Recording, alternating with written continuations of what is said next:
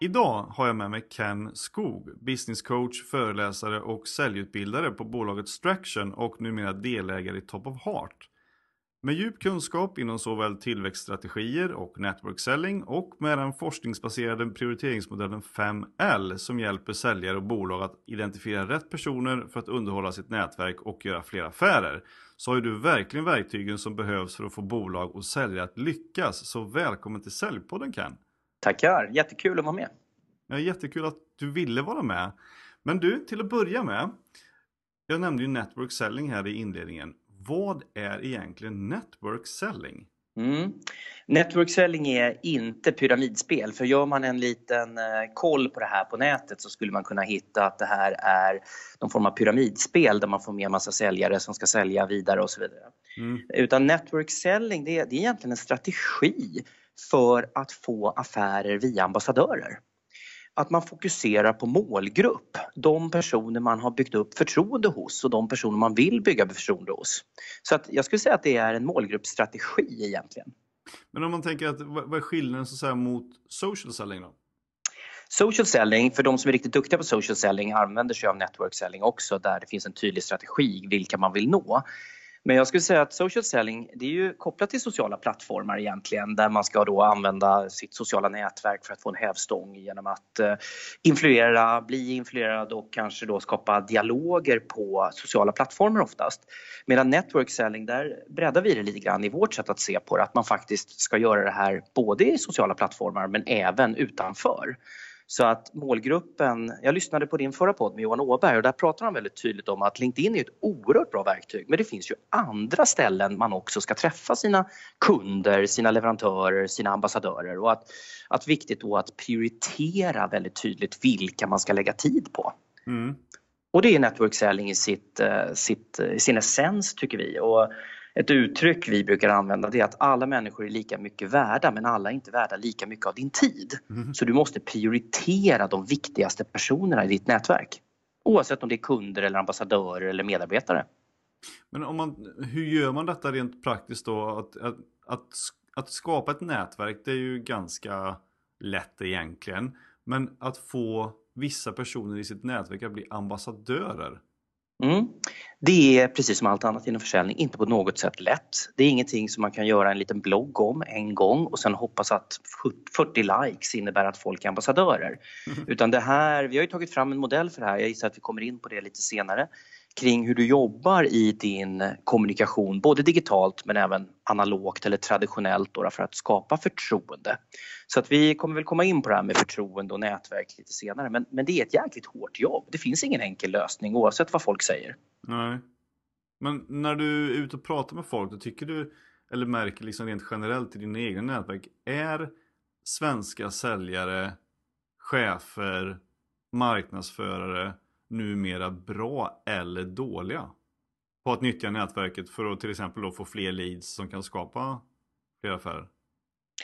Jag tycker man är dåliga faktiskt. Jag brukar vara lite försiktig med att säga att folk är bra eller dåliga. Jag tycker att det är lite för enkelt att göra så. Men i det här fallet så vill jag nog säga att man är ganska dålig.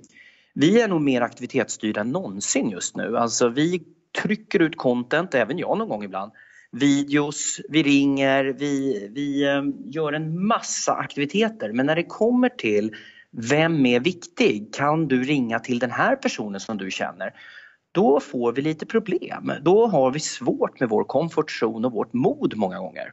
Jag har väldigt många seniora personer i min närhet som jag har coachat och jag har sagt att men kan du inte ringa till den här personen som du känner?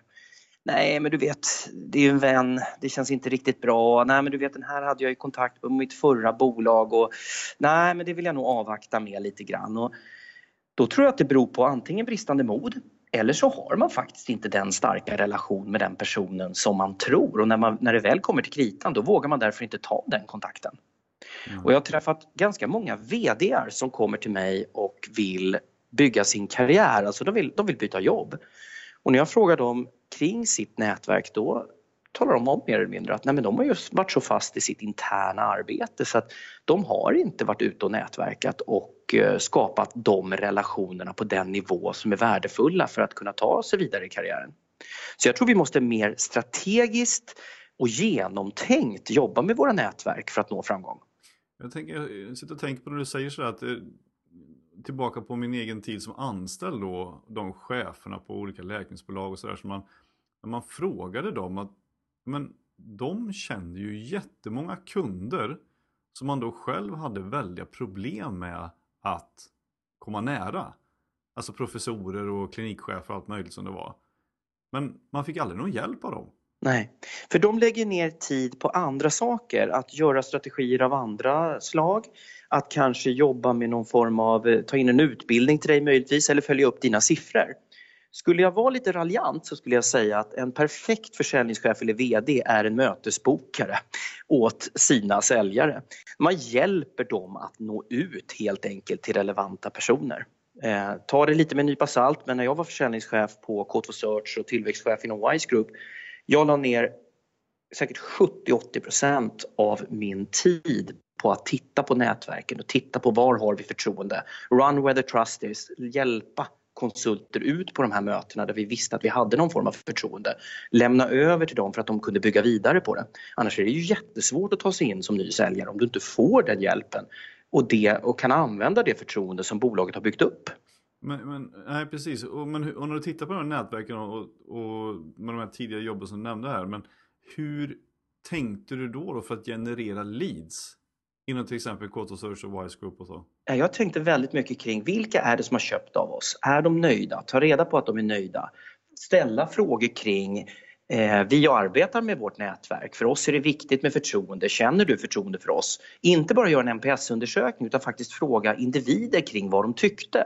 Och när vi fick jakande svar så bad vi om rekommendationer rakt på. Inga konstigheter. Jag utgår ifrån att om du gillar mig och är nöjd med min leverans och du inte upplever en stor problematik kring någon konkurrenssituation eller liknande då vill du hjälpa mig vidare. För genom att hjälpa mig så hjälper du troligtvis din vän som du rekommenderar mig till. Så jag såg inga konstigheter i det här överhuvudtaget. Utan snarare en styrka för både mig, den som blir rekommenderad och den som rekommenderar. Det handlar om att ställa frågan. Ja, precis. Att vårda relationerna så att de kan gå i god för en också. Absolut, och självklart då se till att du gör en bra leverans. Gör du inga bra leveranser, Nej, då kan du ju inte be om rekommendationer. Det är ju ganska självklart. Men gör du bra leveranser så måste du vara stolt hela vägen. Så stolt att du faktiskt bygger din affär på att be om rekommendationer. Mm. Vi vet ju idag att i stort sett 53% om jag minns en Edelman-undersökning känner förtroende för företag. Jag tror det var 43% för media och 41% för myndigheter. Men någonstans 80-90 går på rekommendationer vid köp av andra människor. Och det är klart, det här kan vi ju använda oss av.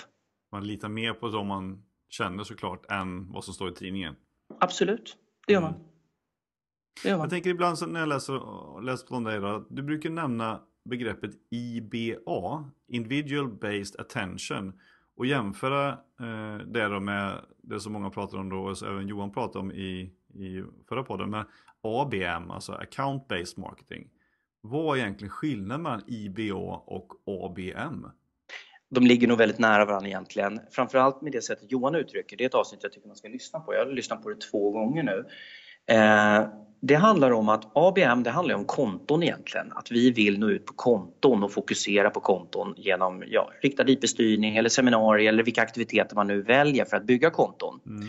IBA är individual based attention. Det är att titta på just de här fansen och ambassadörerna vi har på de här kontona men kanske också i närheten till de här kontona vi vill in på. Som hjälper oss in. Antingen har vi dem på insidan eller så har vi de här ambassadörerna lite utanför med möjlighet att rekommendera oss in. Så att jag skulle säga att det kombinerar ett sätt att se på konton och individer och affärer görs ju mellan människor. Mm. Så att vi vill gärna komplettera ABM med just individual based attention och fokus på att bygga affärsrelationer med människor. Så det är, en, det är rent affärstekniskt när ett företag ska göra affärer så är det eh, ingen jättestor skillnad. Men vad gäller inställningsmässigt kan det vara en viss skillnad att se faktiskt på kunden som människor med olika drivkrafter. För att företag kan inte rekommendera oss, eh, människor kan rekommendera oss. Företag kan inte bli fans, människor kan bli fans. Mm. Men man kan ge ett exempel på liksom hur, hur skillnaden skulle kunna se ut då? Om man har personer i, i sitt nätverk som man då till, eller bolag, vad man ska kalla det för, som, som man har haft ABM-modellen eh, på och vill ändra mm. det till en IBA. Mm. Nej, jag, tror, jag tror att man, det är jättebra att jobba, Att bolag ska jobba mot konton, alltså nyckelkunder, befintliga kunder, targets och prospects. Det är ingen dum utgångspunkt. Men om man kompletterar med att titta på vilka människorna är som genuint är viktiga för din affär. Eh, då kommer du se att du kanske har 100 konton du vill in på som nämndes tidigare. Vi har ju hänvisat här till Johan lite men det är fler som jobbar med ABM, framgångsrika människor. Så kanske det är 1500 personer. Men de här 1500 människorna som du gör en inverkan på, som du vill ha som fans. De kanske flyttar från ett konto som du bearbetar idag till ett annat konto. Och det gör att då kanske du måste ställa om ditt fokus lite grann för att du har numera ett, ett fan på insidan som gör att, på ett nytt konto. Och om du inte håller koll på hur människor flyttar, om du inte håller koll på att bygga värde för människor, då kan du faktiskt missa nya möjligheter i och med att människor rör sig från anställning till anställning. Det är inga konstigheter. Det är bara att titta på mig till exempel. Jag var ju inom Wise Group och hade leverantörer som jag köpte av. De här leverantörerna har ju varit ofta jätteduktiga på att följa mig nu. Och vilket innebär att jag rekommenderar ju dem nu. Jag kanske inte köper av dem själv just nu, men jag kan rekommendera dem.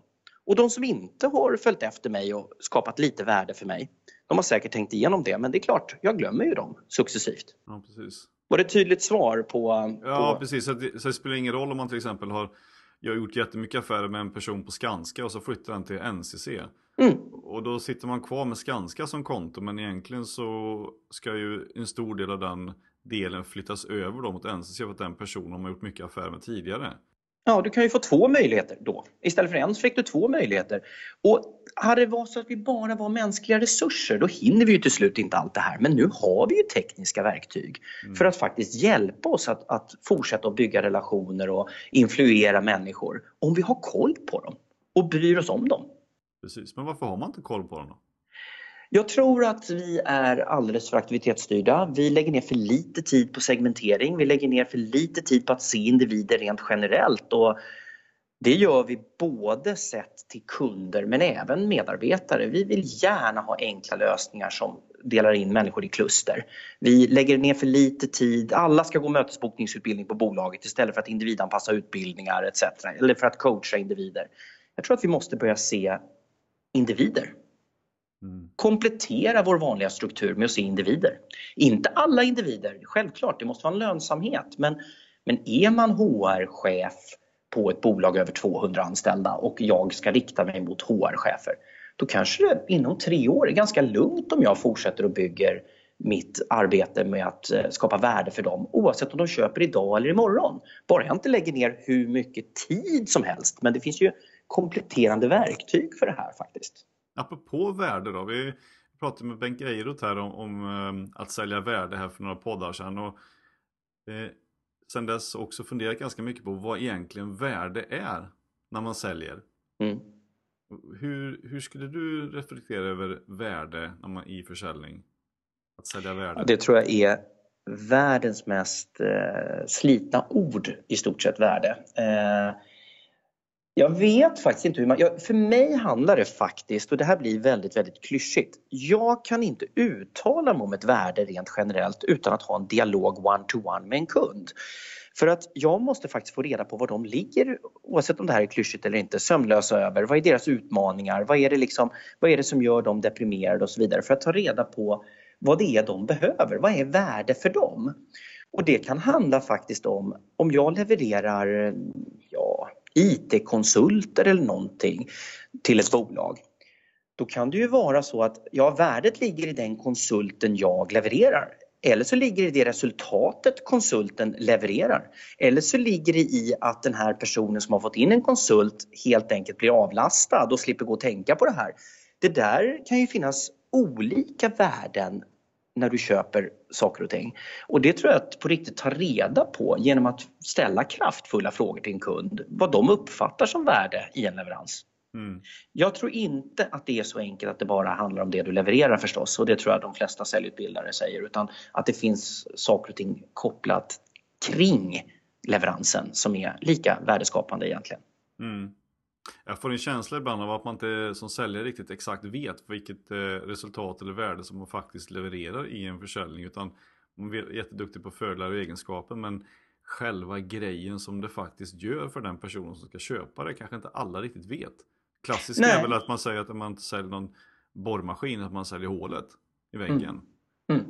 Absolut. Jag tror också att vi pratar inte om risker heller. Jag vet, det är jättemånga som kom till mig när jag satt som tillväxtchef på Wise Group och det var en väldigt speciell roll för att då skulle jag köpa för sju bolag.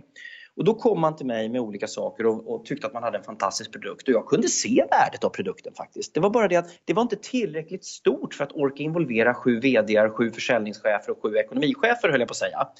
Eh, och där fick man ett problem för att det var för stor risk för mig, för stor tidsrisk och just avvägningen värde versus risk.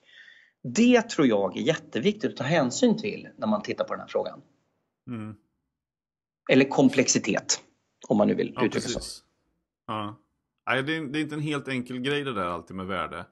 Eh, men jag tänkte på, du, du nämnde nu att du var satt som tillväxtchef på, på uh, Wise Group. Mm. Och det, det här med att skapa tillväxt har ju du jobbat ganska mycket med uh, i ditt bolag också. Och mm. du coachar ju ganska mycket chefer och vd hur de ska skapa tillväxt. Men hur, hur går du tillväga? Ja, ja, det är en intressant fråga. Uh, nu skrattar jag lite för att jag har ju varit tillväxtrådgivare under um, ja, 15 år på olika sätt. Eh, lite grann internt men, men nu senaste året externt.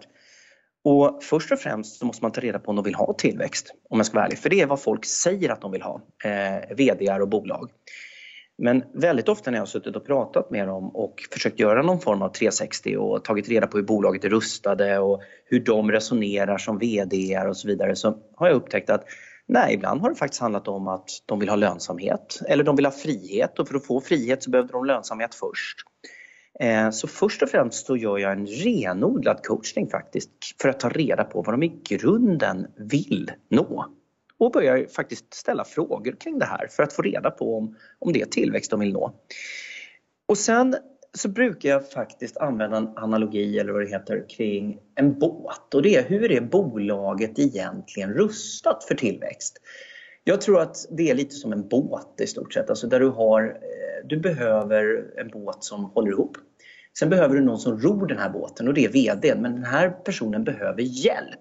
Behöver en nummer två, och gärna nummer tre och ibland nummer fyra beroende på hur, stor, hur stort bolaget är, som ror båten. För det går inte att ligga ensam sömnlös. Sen behöver du par personer i A-hytt och att acceptera att du har några i B-hytt och sen får du ha lite människor som slänger livbåtar och det är sådana som jag, att det är konsulter höll jag på att säga. De ska man helst vara utan. Utan man ska mm. se till att man har en båt som håller ihop med olika typer av kompetenser. Så att vi gör en kompetensinventering helt enkelt och tittar på kunskaper, incitament, karaktär, roller, ansvar Eh, och sen sätter vi en riktning för det här bolaget och utbildar där vi behöver utbilda, paketerar och så vidare. Framförallt då förstås segmenterar. Vilka kunder och vilka människor skulle ha extra stort värde av de här produkterna eller tjänster. Så att det blir en slags helhet eh, som jag går in i för att skapa tillväxt för bolag. Men, men vad upplever du är liksom det största problemet då? När, förutom att de inte vet om de vill ha tillväxt. Men, men om de vet att de vill ha tillväxt, vart sitter liksom flaskhalsarna? Mm, jag tror det sitter jättemycket i att orka göra grundarbetet faktiskt vad gäller riktningen. Alltså vart ska vi? Eh, vilka människor ska vi nå? Eh, vilka är våra potentiella kunder? Eh, ifrågasätta kanske eh, varför kunderna inte vill köpa. Vilka är problemen med den produkten eller tjänsten som vi har? Och kanske vara ärlig kring hur viktig är den här produkten eller tjänsten egentligen? För det är oerhört mycket där ute som vore lite härligt att ha. Mm. Men i en prioriteringslista så ligger det för de flesta företag väldigt långt ner. Det gäller att hitta bolagen där det ligger högt upp eller där vi kan få det högst upp. Mm. Och där måste man vara realist och inte sällan så tycker jag att man kanske har lite väl höga tankar om sin egen tjänst och produkt. Vilket jag tycker är fullt rimligt. Det är därför du är entreprenör. Du brinner ju för det du, du ska sälja på något vis. Va? Mm. Men du måste också vara realist och du måste lägga upp en säljplan kopplat till hur kunder faktiskt köper idag och resonerar. Mm. Och där tror jag att man gör ja, lite för litet jobb helt enkelt. Och eh, ja, sen tror jag faktiskt att det finns en kunskapsbrist kring, kring rent allmänt hur, hur du bygger en säljorganisation. Mm. Kring rekrytering av rätt kompetenser och så vidare. Eh, ja, men intressant det med tillväxt. Eh, du pratar om prioriteringslista här och apropå prioritering då så har ju ditt bolag Straction blev ju i årsskiftet här delägare i Alexander Slottes bolag Top of Heart. Eh, och ni jobbar ju en hel del med den forskningsbaserade prioriteringsmodellen 5L. Mm. Eh, kan du förklara lite vad det här 5L står för och hur det gör skillnad mm. för säljare och bolag? Mm. Det här är en ganska stor fråga, eh, men jag ska göra mitt bästa för att svara tydligt på det här. Jag träffade ju Alexander Slotte för några år sedan eh, på ett kundbesök. Jag köpte faktiskt inget av honom då. Eh, men sen när jag startade eget så stötte vi ihop igen och då satt vi och pratade kring alla coachsamtal vi haft, alla kundmöten vi haft och började titta på vad framgångsfaktorerna egentligen var när man fick en affär eller inte. Och vi kom fram till att ja, väldigt stor utsträckning i komplex försäljning så handlar det om förtroende och relationer. Alltså nätverk skulle vi kunna säga. Mm. Så vi började titta på det här lite närmare och eh, såg då en skillnad i hur vi själva jobbade kring vårt nätverk och hur vi prioriterade vår tid. Så vi gick igenom litteratur, vi tittade mycket på Stephen Coveys Speed of Trust, eh, hur han delade upp förtroende i olika parametrar. Vi tittade på forskning från Robin Dunbar kring kognitiva begränsningar och hur mycket vi människor faktiskt klarar av kring våra nätverk för att liksom hålla, hålla people top of mind. Mm. Och då tog vi fram den här 5L och den står, det är en förtroendediamant skulle man kunna säga. Där man ska titta på sitt nätverk både som enskild individ men också aggregerat som företag. Och går man igenom den här och tittar då längst ner så har vi då det första L som heter Lost. Och det är ju människor som du har kanske arbetat med eller levererat till som tycker att Mattias, du är ganska sopig faktiskt. Eh, du levererade inte som du sa. När, när resultatet var dåligt så gick du under jorden. Eh, du återkopplade inte. Nej, det blev inte bra helt enkelt. Eller så är det en gammal partner. Vad vet jag om ditt liv? Det här, alla kan göra en dålig leverans, men det är hur vi hanterar det här. Och hanterar vi det här dåligt, då blir människor en lost. Och i dagens värld där vi har sociala medier, då går de här lost gärna ut och säger att de är en lost också. Mm. Och har ett bolag säljare som har många lost, då får företaget ett dåligt varumärke väldigt snabbt för då sprids det här blixtsnabbt. Och det finns ju massvis av både svenska och internationella exempel på bolag som åkt i, åkt i diket på det här. Mm. Nästa nivå det är loud och det är väl det segmentet vi slåss om på LinkedIn i väldigt stor utsträckning. Och det är människor vi har i våra nätverk som vi kanske inte riktigt känner, som vi jobbar väldigt, högt, väldigt mycket mot för att få upp dem i den här diamanten. Och det är, de vet, känner till vårt namn kanske. De likar en artikel, de läser en blogg. Men i ärlighetens namn så vi har nog hundra konkurrenter inom säljutvecklingsområdet till exempel. För att de här människorna följer ju massa inspiratörer och influencers eller vad det handlar om. Mm. Och här måste vi komma ihåg att det handlar ju också om hur mycket tid vi har att lägga på de här personerna. För att de har ganska lågt förtroende, vi kanske vill ha upp dem till köp och då måste vi successivt lägga mer tid på dem. Men så länge de är loud så kanske vi måste jobba med sociala medier för att få upp dem en bit. Mm. Och vi har ju utbildningar kring varje steg hur man ska jobba för att konvertera, om vi får uttrycka det så, vidare i den här 5L-modellen. Mm. Men nästa nivå för att vara saklig, det är linked och det är människor vi har träffat one-to-one. Loud pratar vi ofta one-to-many med. Mm. Medan linked pratar vi one-to-one med. Då vet vi faktiskt vad den andra personen har för drivkrafter och tankar och de vet mer om våra. För att ett one-to-one-samtal har ju den mekanismen att du får ju ut mycket mer individuellt värde i en sån dialog. Mm. Och där vet du kanske på riktigt vad jag sysslar med. Du får en känsla kring vem jag är etc. Förtroendet är högre än vad du har för en loud-person. Och här finns ju en guldgruva för företag. Tänk dig själv Mattias, alla personer ett bolag träffar per år som inte köper. Vad händer med de människorna? Jo, de får ett nytt samtal om sex månader. Mm. Tänk om vi faktiskt på riktigt la in dem i ett system och fortsatte att eh, kommunicera med dem ordentligt. Och det är väl det som många bolag gör bra idag med inbound marketing. Eh, för att hålla de här top of mind. För vi kan ju inte sitta och ringa till dem varje månad. Nej, precis. Och de här är svårt att säga hur många det här är för varje enskild säljare beroende på om man är junior eller senior eller hur många år man har jobbat. Då. Men det blir ju färre och färre när vi kommer upp i den här. Eh, först är det förhoppningsvis ganska få som är lost. Sen är det väldigt, väldigt många som är loud och sen är det färre som är linked. Och sen kommer vi till like och det är personer som vi kanske har levererat till, som kanske har jobbat med, som väl känner till vår förmåga. Vi har troligtvis gjort resultat i någon form. Eh, de vill köpa av oss igen om de får möjlighet, men vi konkurrerar troligtvis med andra personer. Vi måste be dem lite mer aktivt om rekommendationer för de sitter inte och tänker på oss hela tiden. Vi eh, kanske måste påminna dem lite grann om att vi breddar vår verksamhet och så vidare. Men vi, vi träffar dem här i större utsträckning. De vill träffa oss, det ska vi komma ihåg. Det är en ömsesidig modell det här. Mm. Eh, om vi inte är stalkers, för då blir det knäpp den här modellen. Utan vi utgår från sunt förnuft här. Högst upp, för att göra det här enkelt, eh, så har vi LOVE. Och det är människor som går i god för din karaktär och din kompetens. Det är människor som verkligen känner att Nej, men fan, Ken han har rätt värderingar, han kan det här, det här är hans expertområde, honom tar jag in, jag tar med honom till nästa bolag. Vi följer dem nästan genom livet. Det är liksom lifetime value på de här personerna. Och de är inte många. Det måste vi vara ärliga med. Men, men får vi väldigt många love och like, då är det det vi pratar om individual based attention och då måste vi lägga vårt krut på dem.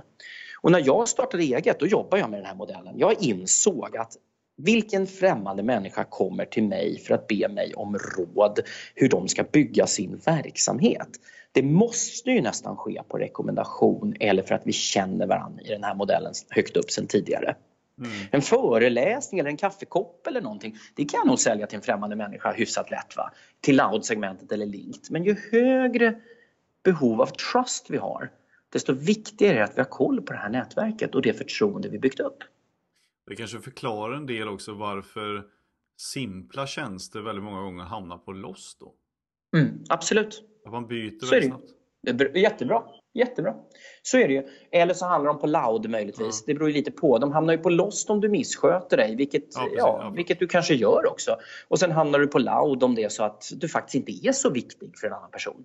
För det är vi inte alltid. Mm. Jag har många leveranser i min historik som jag har gjort där jag inser att ja, ja, de tog mig. De kunde lika väl ha tagit någon annan. Det var inte världens mest viktiga leverans. Eh, oavsett om det var när jag sålde marknadsundersökningar eller torghandel eller vad det nu var. Och det kan jag också respektera. Men om vi är högt upp och säljer en förtroendetjänst då ska vi verkligen se till att vi bygger så många love och like som möjligt och kollar upp vad de verkligen tycker om dig regelbundet. Mm fortsätta att lägga tid på dem, fortsätter att lägga tid på dem och uppskatta dem och visa det. Men för vilka säljartyper eller bolagstyper tycker du att 5L-modellen är bäst att använda? För företag som jobbar med komplex försäljning, mm. för människor som söker jobb, här har jag coachat massor, att titta på vem som hjälper en vidare i karriären. 65 till 85 procent går ju via nätverk så att det här är ju också forskning på att det är givet att man ska hålla koll på nätverket där människor känner till kompetens och karaktär och att det är dem man ska rikta sig mot. Och sen självklart rekryteringsbranschen jobbar ju med det här hela tiden. De, de ska ju ha tipsgivare där ute som är ambassadörer. Så att de tre områdena använder vi 5L-modellen främst till. Mm. Och förstås inom en organisation. Ja, att man ser till att du har så många som möjligt som liksom känner love eller like då enligt den här modellen för varandra inom bolaget eller om du är en koncern mellan bolagen då. Just det. För att om du då har många som känner igen eller känner till varandras kompetens och karaktär då kommer du ju, då kommer du ju bli rekommenderad både internt och externt. Finns det någon skillnad i hur kommunikationsgraden och contentgraden ser ut mellan eh, linked, liked och loved? Mm, den blir mer personaliserad ju högre upp du går. Eh, du lägger mer tid på den. Du lägger då följaktligen också mer pengar på, eh, på kommunikationen ju högre upp du kommer. Mm. Du kanske integrerar eh, affärsutvecklingsmöten i din leverans i större utsträckning högre upp för att du vill ju skapa lifetime value och ambassadörer. Du bryr dig ju självklart om resultatet, det ska du väl göra för alla kunder men, men återigen, ju högre upp du är desto viktigare blir det. Eh, så att eh, jag skulle säga att den blir mycket mer kvalitativ ju högre upp du kommer. Det handlar inte om att posta någonting på LinkedIn och gå vidare i livet. Nej, precis. Det handlar snarare om att sätta sig ner och prata. Ja. Mm. Regelbundet. Mm. Ofta. Och faktiskt ha det självförtroendet att känna att det vill förmodligen kunden också. För att om det är viktigt för kunden så är det viktigt för dig. Mm. Mm. Det är ett samarbete. Ja men precis, och det är ju oftast det största anledningen till att man väljer någon annan, det är att man har fått för lite attention. Absolut. Och det får vi i livet idag om jag ska vara en liten mjukis. Eh, jag gick ut och eh, erbjöd coachning för att jag skulle ta examina inom eh, VCF certifierad coach och mm. gick ut och erbjöd en gratis coachtimme. Och jag fick i stort sett 100 personliga svar på det här av främmande människor som fantastiskt härligt, det var en ynnest. Jag vet inte hur mycket det var kopplat till Ken Skog eller rent allmänt. Men det handlar om människor som faktiskt behövde få ett one-to-one samtal. Så det är inte helt orimligt att många av era kunder vill det faktiskt. Och att det ska läggas tid på det här. Prioriterat förstås då. Mm. Man kanske helt enkelt ibland bara får åka ut och vara lite hobbypsykolog. Eh, ja, det kan ju vara så i vissa sammanhang. Eller affärsrådgivare eller vad vi nu vill vara till kunden eller vad de behöver. Mm. Eh, men ibland behöver de bara få prata av sig kring en utmaning. Det beror ju helt på vad vi levererar, det ska vi komma ihåg. Mm. Å andra sidan så gör de ju först det när de känner förtroende för det. Yes, mm. absolut. Eh, jag tänkte på en annan del som ni också jobbar med. Det är ju det, är ju det som ni kallar för Customer and Employee Retention. Mm. Vad innebär det? Mm, ja, men det, det handlar ju om faktiskt också det här med att bygga ambassadörer. Eh, att se till att kunderna är riktigt, riktigt nöjda, att vi levererar rätt värde. Att vi visar dem tid och uppskattning och även då medarbetare förstås. Eh, att när vi har en bra introduktion, eller förlåt, en, en bra offboarding vad gäller till exempel anställda som slutar mm. och eh, ser till att de faktiskt eh, blir avtackade på ett bra sätt. Att vi uppmärksammar dem när de är anställda. Det kan handla om födelsedagar, det kan handla om att de har gjort någonting fantastiskt privat. Det kan handla om att erbjuda dem eh, utmaningar kopplat till CSR-området som gör att de faktiskt tycker att det här är härligt att jobba här och, och att de är stolta över bolaget de jobbar på. Mm. Och samma sak med kund egentligen. En bra onboarding som kund. Visa dem uppmärksamhet under själva leveransen och förstå att värdet skapas inte innan vi har fått kunden utan det skapas ju när vi har fått kunden. Det är då de börjar använda våra tjänster. Det är då vi ska ösa på med värde och lav. Mm. Men hur bygger man bra förtroende då? Ja, det finns ju en, en lång eh, forskning på det eh, kring hur man faktiskt ska få kunden att känna att man faktiskt bryr sig. Att de ska uppleva att man är ärlig och reko och vill kundens bästa. Att man visar då vilken förmåga och beteenden och kunden får ta del av det här. Men i slutändan också faktiskt att man gör resultat. Att kunden får det de köpte och lite, lite mer. Mm. Eh, det finns massa. Jag kan rekommendera boken Speed of Trust med Stephen Covey där det också finns då faktiskt 13 konkreta exempel eller områden där, som visar hur man kan bygga, utveckla eller förlora trust. Mm. Fantastisk bok! Fantastisk mm. bok! Jag tar och länkar till den här eh, till mm. avsnittet här sen också. Då. Mm, gör det. Men om man tänker då att eh, man vill bygga en bra försäljningskultur så måste man ju ha säljare också som är bra. Och du har jobbat mycket med rekrytering av säljare framförallt genom åren. Så hur rekryterar man en bra säljare? Bra fråga. Ehm, det är ju till att börja med så här att jag har sett jättemånga säljare som har misslyckats på ett ställe men sen har de lyckats på nästa. Så att man är bra och dålig det är man ju oftast i olika kontext om du förstår vad jag menar. Alltså, eh, men om du vill ha in en bra säljare till din organisation, en sak är var inte så jäkla feg. Vi träffar för mycket, eller jag har träffat för mycket fega försäljningschefer och VDR som vill lägga på ett kompetenskrav på den de ska ta in som är ja, totalt. Alltså de ska kunna allt. Mm. Problemet med det är att när personer sen kommer in så blir de ju förstås inte motiverade och anledningen till att man ofta gör det Ja, jag vet inte om det är att man själv inte vill vara chef. För att eh, tar man in en person som kan allt så kan man ju skylla på personen sen att de inte var motiverade. Mm. Eh, ta in någon där du faktiskt på riktigt kan komplettera den personen. För det första så är det roligare för den personen. Det blir roligare för dig. Och eh, det blir någon form av team i det där då. Där, ni faktiskt, där den personen kan känna att du som chef är viktig. Så att ha inte kravspesar som täcker allt utan ta det nödvändigaste. Och se till att de har egenskaper som mod, kunskap och ja, kanske begåvning, åtminstone begåvad nog för att hitta till jobbet. ja. Att de jobbar hårt, det är ingen klyscha. Utan man måste jobba hårt. Sen vad hårt innebär, jag menar inte att man ska jobba för hårt så att man mår dåligt. Jag menar inte att det handlar om att man ska boka 50 möten. Men man måste jobba hårt. Det, det där har blivit någon form av konstig diskussion. Det är klart vi vill att människor ska jobba hårt. Eh, på fotbollsplan eller... Eh, men, men inte gå sönder. Mm. Säg då, jobba rätt. Rätt och hårt. Sen fanns det en tid där man sa att en säljare skulle kunna prata. Mm. Och sen sa man att en säljare skulle kunna lyssna. Jag tror att en säljare måste kunna förstå.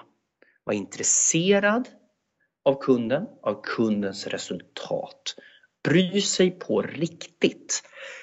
Och det här är självklart svårt att identifiera i en rekryteringsprocess. Men det är omöjligt om vi faktiskt inte ställer frågor kring det ställer frågor, kanske gör case, pratar om konkreta situationer och hur de har tänkt när de har sålt i tidigare eh, anställningar och så vidare. Mm. Ta reda på hur, hur modiga de varit, vilken kunskap behövde de, hur duktiga var de på att lyssna och så vidare. Gick de på en motgång så gjorde att de fick jobba hårdare och så vidare. Mm.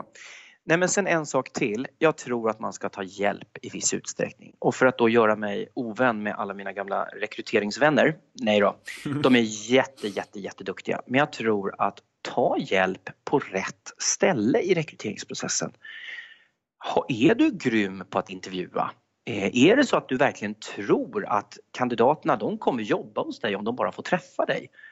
Ta hjälp kanske med kravspecen och sourcingen då. Mm. Känner du att du behöver hjälp med bakgrundskontrollen, ta hjälp med det. Men troligtvis behöver du ta hjälp i rekryteringsprocessen men kanske inte den hjälpen som alla rekryteringsföretag vill erbjuda för de vill ju förstås göra allt. För det är det de tror på. Med all rätt så vill de säkerställa en bra kvalitativ process. Men det behöver inte betyda att du som enskild kund behöver hela den processen.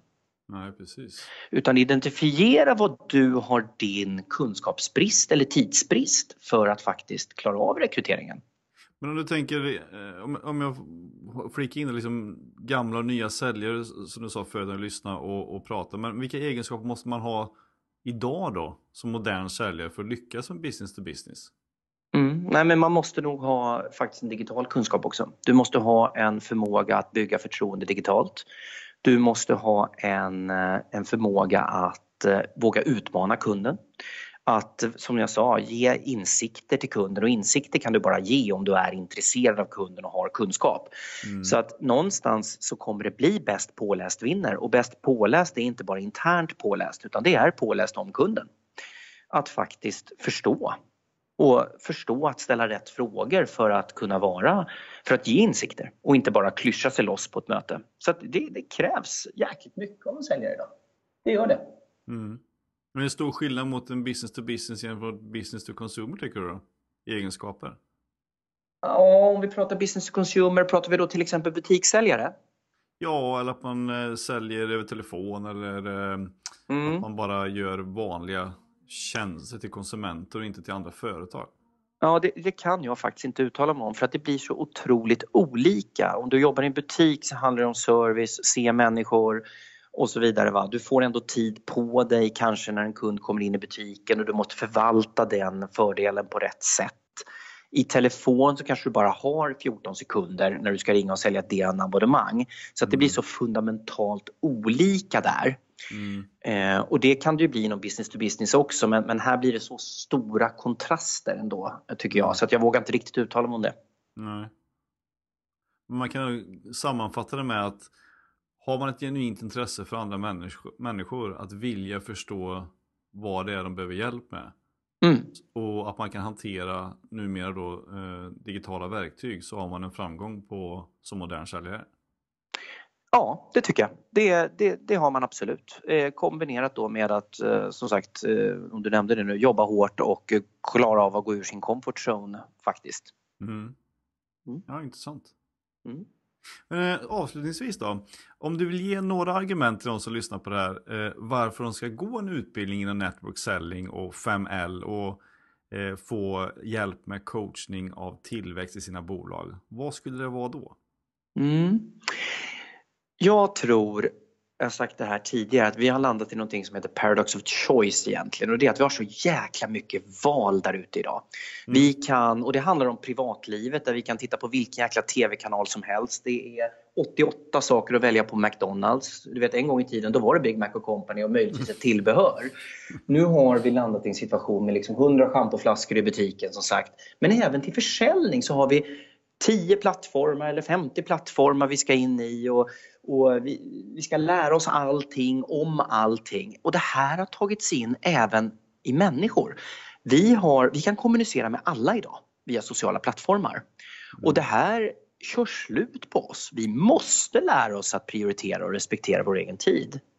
Vi måste förstå att budskap och målgrupp aldrig separeras. Alltså, jag vet att organisationer som lär sig prioritera, som lär sig gå och på nätverksförsäljning och där de har byggt upp förtroendet och faktiskt jobba strategiskt med det här, de når fler och bättre affärer snabbare. Och individen känner att det faktiskt är roligare också för det är jävligt mycket roligare att jobba där man har byggt upp sitt förtroende. Det är roligare för att använda sig av liksom det man har skapat. Och det är det vi pratar om i 5L. Det är att faktiskt inventera vilka människor är viktiga för din affär, vilka känner förtroende för dig och hjälpa individer att faktiskt nyttja det här på bästa sätt genom analys, mätning och coachning. Så att ja, jag kan säga att oavsett om du söker nytt jobb eller om du eh, är säljare eller eh, VD för ett bolag så måste du jobba mycket mer strukturerat med ditt nätverk. Mm. Och det är det man kommer få lära sig eh, av dig? Absolut, det lär man sig jättetydligt. Man får modellen, man får rådgivningen, man får all den kunskap vi faktiskt har, har använt för att sätta upp den här modellen som i sitt liksom, utseende ser ganska basic ut. Men det finns ju lite bakom det där. Mm. Ja, men precis. Vi ska lägga upp lite länkar till det här på, på säljpodden.se och till det här avsnittet också så ni kan se det direkt. Klicka in det där på. Men eh, till slut då Ken, eh, tack så jättemycket för att du tog dig tid att vara med i Säljpodden.